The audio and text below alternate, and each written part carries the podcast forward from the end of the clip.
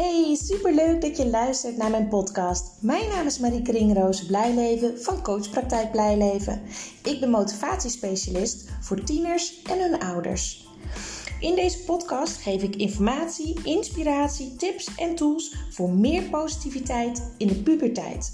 Het is namelijk mijn missie om het onnodig afstromen, dubleren en zakken voor het eindexamen terug te dringen in heel Nederland. Ik weet inmiddels uit ervaring dat als het contact tussen ouder en tiener positief is, dat dat direct effect heeft op het welbevinden en de schoolresultaten van een tiener. Een motivatieprobleem is namelijk een gevolg, geen oorzaak. Enjoy! Hey, goedemorgen. Het is weer vrijdagochtend en dat betekent weer een nieuwe podcast. En afgelopen woensdag heb ik uh, een podcast geplaatst, dus de vorige, nummer 199, die voor mijn gevoel echt mega persoonlijk was. En uh, ik ook echt wel heb getwijfeld, moet ik dat wel delen? Uh, en toch heb ik het gedaan. En ik denk dat het heel goed is.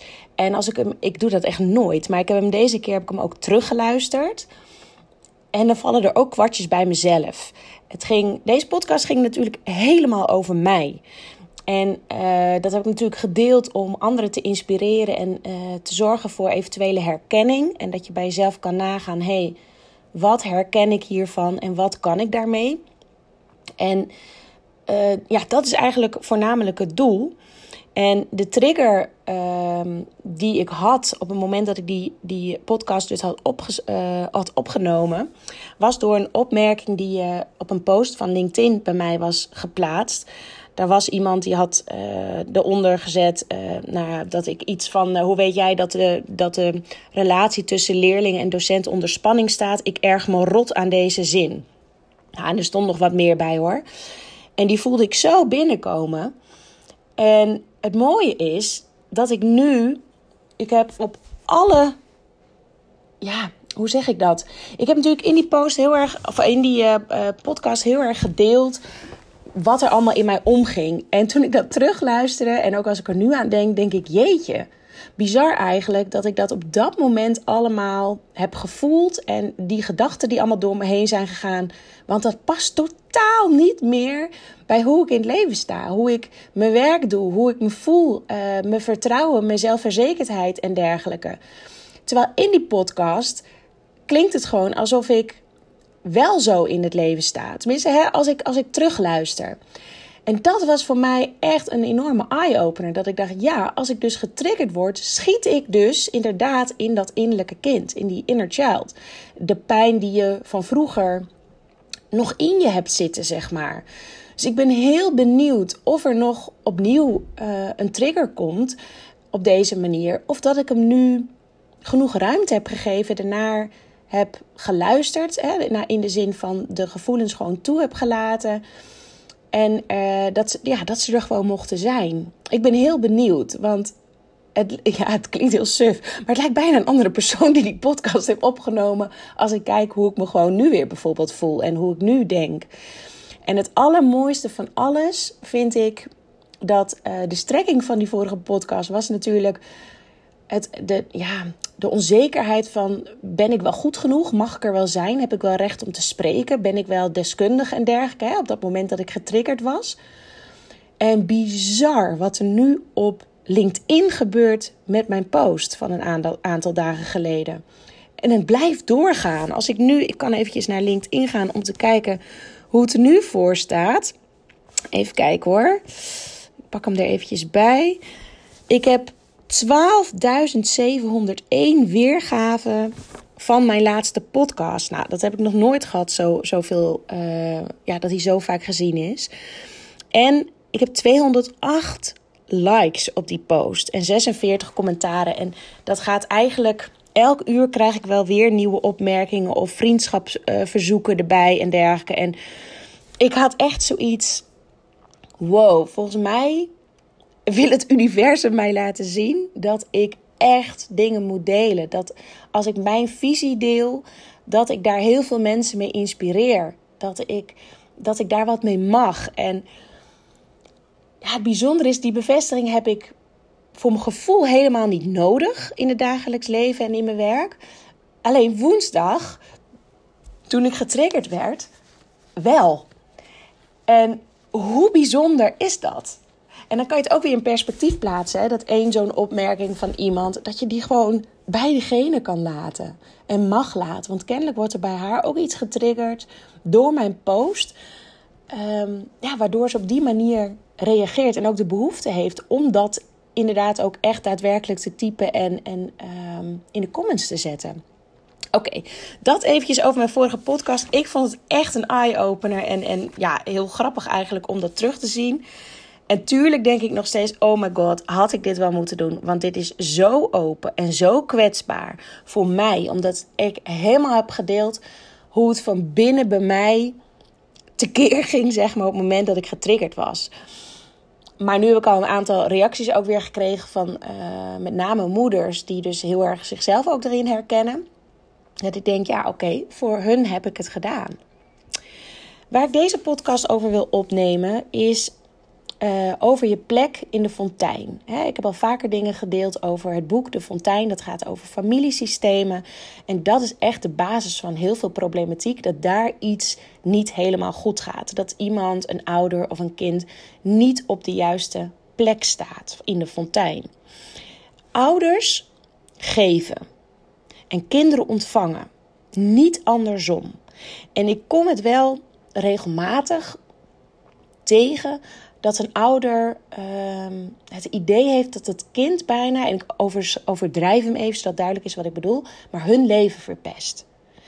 En dat als hun kind nou eens normaal doet, of respectvol is, of gewoon eens luistert, dat het leven makkelijker wordt. Ouders geven en kinderen ontvangen. Het is niet zo dat je als ouder kan verwachten dat je kind jou datgene gaat geven wat jij vroeger in je jeugd hebt gemist. Heb jij het gevoel gehad dat je nooit gezien werd of begrepen werd? En wil je die behoefte nu vervuld krijgen door je kinderen? Dat gaat niet.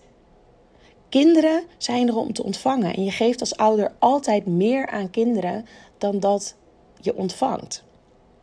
Want als kinderen nemen, is dat voor ouders een, een, een prettig proces. Dat voelt ook goed. En Ouders zijn de grote en kinderen zijn de kleine. En dat blijft altijd zo, ook als je als kind volwassen bent. Je bent nog altijd de kleine en je ouders de grote. En het kan dus zo zijn dat als je als ouder iets te kort gekomen bent vroeger, dat je onbewust dat van je kinderen wil nemen. En een kind voelt dat, dat als een ouder behoeftig is en die stijgt dan op in de fontein, zoals ze dat in het boek heel mooi uitleggen. Dus als jouw kind merkt dat jij het zwaar hebt als ouder, bijvoorbeeld met uh, een ander kind die, die heel moeilijk aan het werk gaat voor school, of uh, misschien heb je iemand verloren, of heb je veel verdriet van een scheiding, of, of is er iets anders aan de hand waardoor jij ja, niet lekker in je vel zit, dat je behoeftig bent. En dat is geen oordeel, hè? want wij zijn ook allemaal gewoon mensen. En um, dat, dat is ook gewoon soms zo. Maar het kan niet zo zijn dat het kind dan voor jou als ouder gaat zorgen. Want een kind die merkt dat zijn ouder behoeftig is, hè, dat, hij, dat hulp nodig heeft. En dat kan hij bijvoorbeeld doen door heel braaf te zijn en heel netjes zijn huiswerk te doen en niet ook nog tot last te zijn. Um, maar dan gaat je kind boven de ouder staan boven jou als ouder in de fontein. En dat betekent dat het, fontein niet makkelijk meer kan stromen. En dit klinkt allemaal heel spiritueel. Misschien is het op een bepaald vlak ook zo. Tegelijk werkt het echt zo. En wat kan je dan als ouder doen om uh, te voorkomen zeg maar, dat je kind opstijgt? Dat is door te zeggen tegen je kind: joh, ik ben heel verdrietig. Dat heeft ermee te maken dat, dat nou, weet ik veel, hè, met dit, dit en dit te maken weet dat het niks met jou te maken heeft. En jij hoeft dat niet voor mij op te lossen. Ik kan dat zelf. Ga jij maar lekker naar buiten. Ga jij maar lekker met vrienden weg. Doe je ding. Ik red me echt wel. Dan pak jij namelijk als volwassene de verantwoordelijkheid voor je eigen leven. En je kind krijgt dan ook weer uh, de verantwoordelijkheid terug over zijn eigen leven. Een kind kan niet jouw verantwoordelijkheid gaan dragen. Sterker nog, niemand kan dat. Je kan nooit de verantwoordelijkheid van een ander overnemen. Ieder heeft zijn eigen lot. Als jij namelijk de verantwoordelijkheid of het lot van een ander gaat overnemen, maak je die ander uiteindelijk zwakker. En dat is iets wat je absoluut niet wil, maar dat gebeurt wel. En wat je ook doet, is dat je weggaat bij je eigen, bij je verantwoordelijkheid voor je eigen leven. En soms is dat makkelijker hè, om de verantwoordelijkheid of het lot van de ander over te nemen dan naar je eigen pijn en verantwoordelijkheid te gaan. En een kind, een jong kind of een tiener, die merkt dat zijn ouder behoeftig is, die kan er niks aan doen dat hij dan opstijgt. Die maakt die keuze niet bewust. Dat gebeurt gewoon. Maar als je als, uh, als het kind zeg maar volwassen is, dan kan je bewustere keuzes maken in of je opstijgt of niet. En die hoor ik ook vaak terug. Ouders uh, die ik dan spreek, bijvoorbeeld, die weer een ouder hebben waar wat mee aan de hand is, bijvoorbeeld. Uh, psychische problematiek of gedoe in de familie of nou, noem maar op. En dan willen ze dat oplossen. Maar dat kan niet. Het is het lot van jouw ouder dat hij daarmee te dealen heeft. Dat is de verantwoordelijkheid van je ouder. En dat betekent niet dat je ze moet laten stikken. Je kan er wel voor ze zijn door een luisterend oor te bieden, door praktische zaken mee te helpen regelen bijvoorbeeld. Maar uiteindelijk is het de bedoeling dat ieder zijn eigen lot en verantwoordelijkheid neemt voor zijn eigen problemen. Dus je kunt er wel zijn. Je kunt luisteren, meedenken, mentale steun geven, helpen. Soms ook bepaalde dingetjes overnemen omdat het gewoon te veel is voor diegene. Maar altijd vanuit jouw eigen plek. Dus ga niet boven iemand staan. Ga niet zeggen, joh, hè, met, met je gedrag, jij kan dit niet, dus ik neem het van je over. Daarmee doe je de ander tekort. En uiteindelijk werkt het voor jezelf ook tegen. Um, ja, dat is eigenlijk. Even kijken hoor. Ja, het is dus als, als het zo. Als jij nu denkt van ja, dit herken ik wel. Um, mijn ouder. Ik heb ook moeite met mijn ouder of met mijn partner of wat dan ook. Dan is het heel belangrijk om te beseffen dat dat. Of van je kind kan ook nog. Dat dat het lot is van jouw ouder. Waar die mee moet dealen. En tegelijk jouw lot dat je ermee moet dealen dat dat het lot is van je ouder. Snap je hem nog? Dus jij pak je verantwoordelijkheid dat jij een weg mag vinden in hoe de situatie van jouw ouder is. Of van je kind is. En van kind is wel een beetje anders natuurlijk. Want um, bij een tiener, je gaat het niet overnemen. Hè? Het is zijn of haar proces. Maar je begeleidt natuurlijk nog wel als ouder. Maar je kan het niet overnemen. Je kan van niemand overnemen. Dus word er bewust van dat het jouw verantwoordelijkheid is hoe jij met jouw lot omgaat. Dat is heel belangrijk. Dus blijf op je plek. En besef dat een kind nooit verantwoordelijk is voor het geluk van een ouder. Jij als kind van jouw ouders niet, ook al ben je volwassen. Maar ook jouw kinderen zijn nooit verantwoordelijk voor jouw geluk als ouder. Je kan ook nooit het lot van jezelf aankijken en tegelijk die van een ander. Dus kies voor je eigen lot. En als je denkt van ja, ik, ik help altijd heel graag mensen en ik vind dat heel fijn, dan kan het best zijn dat je last hebt van een helpersyndroom. Dat hoeft niet altijd, maar dat betekent dat je eigenlijk altijd helpt met de problemen van anderen oplossen. En de vraag is dan: is dat wat de ander wil? Of is het een manier om jouw eigen behoeften te vervullen? om ertoe te doen, om belangrijk gevonden te worden. Misschien zelfs wel om weg te gaan bij je eigen struggles en worstelingen. Dus bedenk voor jezelf ook dat gewoon er zijn voor een ander, gewoon aanwezig zijn letterlijk, al genoeg kan zijn. En je laat de ander in zijn kracht staan en in zijn waarde door hem zelf zijn eigen dingen te laten oplossen. Nogmaals, meedenken kan, maar ieder heeft zijn eigen verantwoordelijkheid over zijn leven. En als je dat gaat ownen, als dat jou lukt om dat echt te doen, dan voel je zoveel meer rust binnenin je dat je dingen bij de ander mag laten. Het is niet jouw verantwoordelijkheid. Oké, ik ben benieuwd of die binnenkomt bij je als je dit herkent.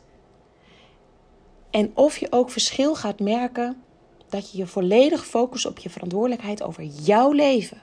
En dat van de ander bij de ander laat. Oké, ik rond hem af, want het is bijna half tien. En dat betekent dat de eerste tiener van vandaag op de stoep staat. Uh, dus ik rond hem af. Ik wens jullie alvast een heel goed weekend. En volgende week begint voor uh, de tieners weer het normale schoolleven. En uh, ik hoop dat er een frisse, goede start is van dit nieuwe school. Of nou, het is niet nieuw schooljaar, nieuwe kalenderjaar op school. Laat ik het zo zeggen. Hey, doei doei!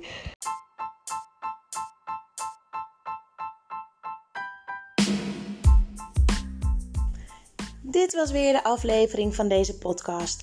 Ik hoop dat je het leuk hebt gevonden, dat je er veel informatie, tips en inspiratie uit hebt kunnen halen. Ik ben ontzettend benieuwd wat jij van deze podcast vond en wat je eruit hebt gehaald. Want ik neem ze op, maar ik wil heel graag weten hoe het is voor jou als luisteraar om dit allemaal te horen. Wil je mij dat laten weten via een persoonlijk berichtje? Dan vind ik dat hartstikke leuk. Wil je andere ouders motiveren, stimuleren? En inspireren met deze podcast, deel het dan op social media. En wil je mij contacten? Dat kan via www.coachpraktijkblijleven.nl. En wie weet spreken we elkaar snel. Fijne dag!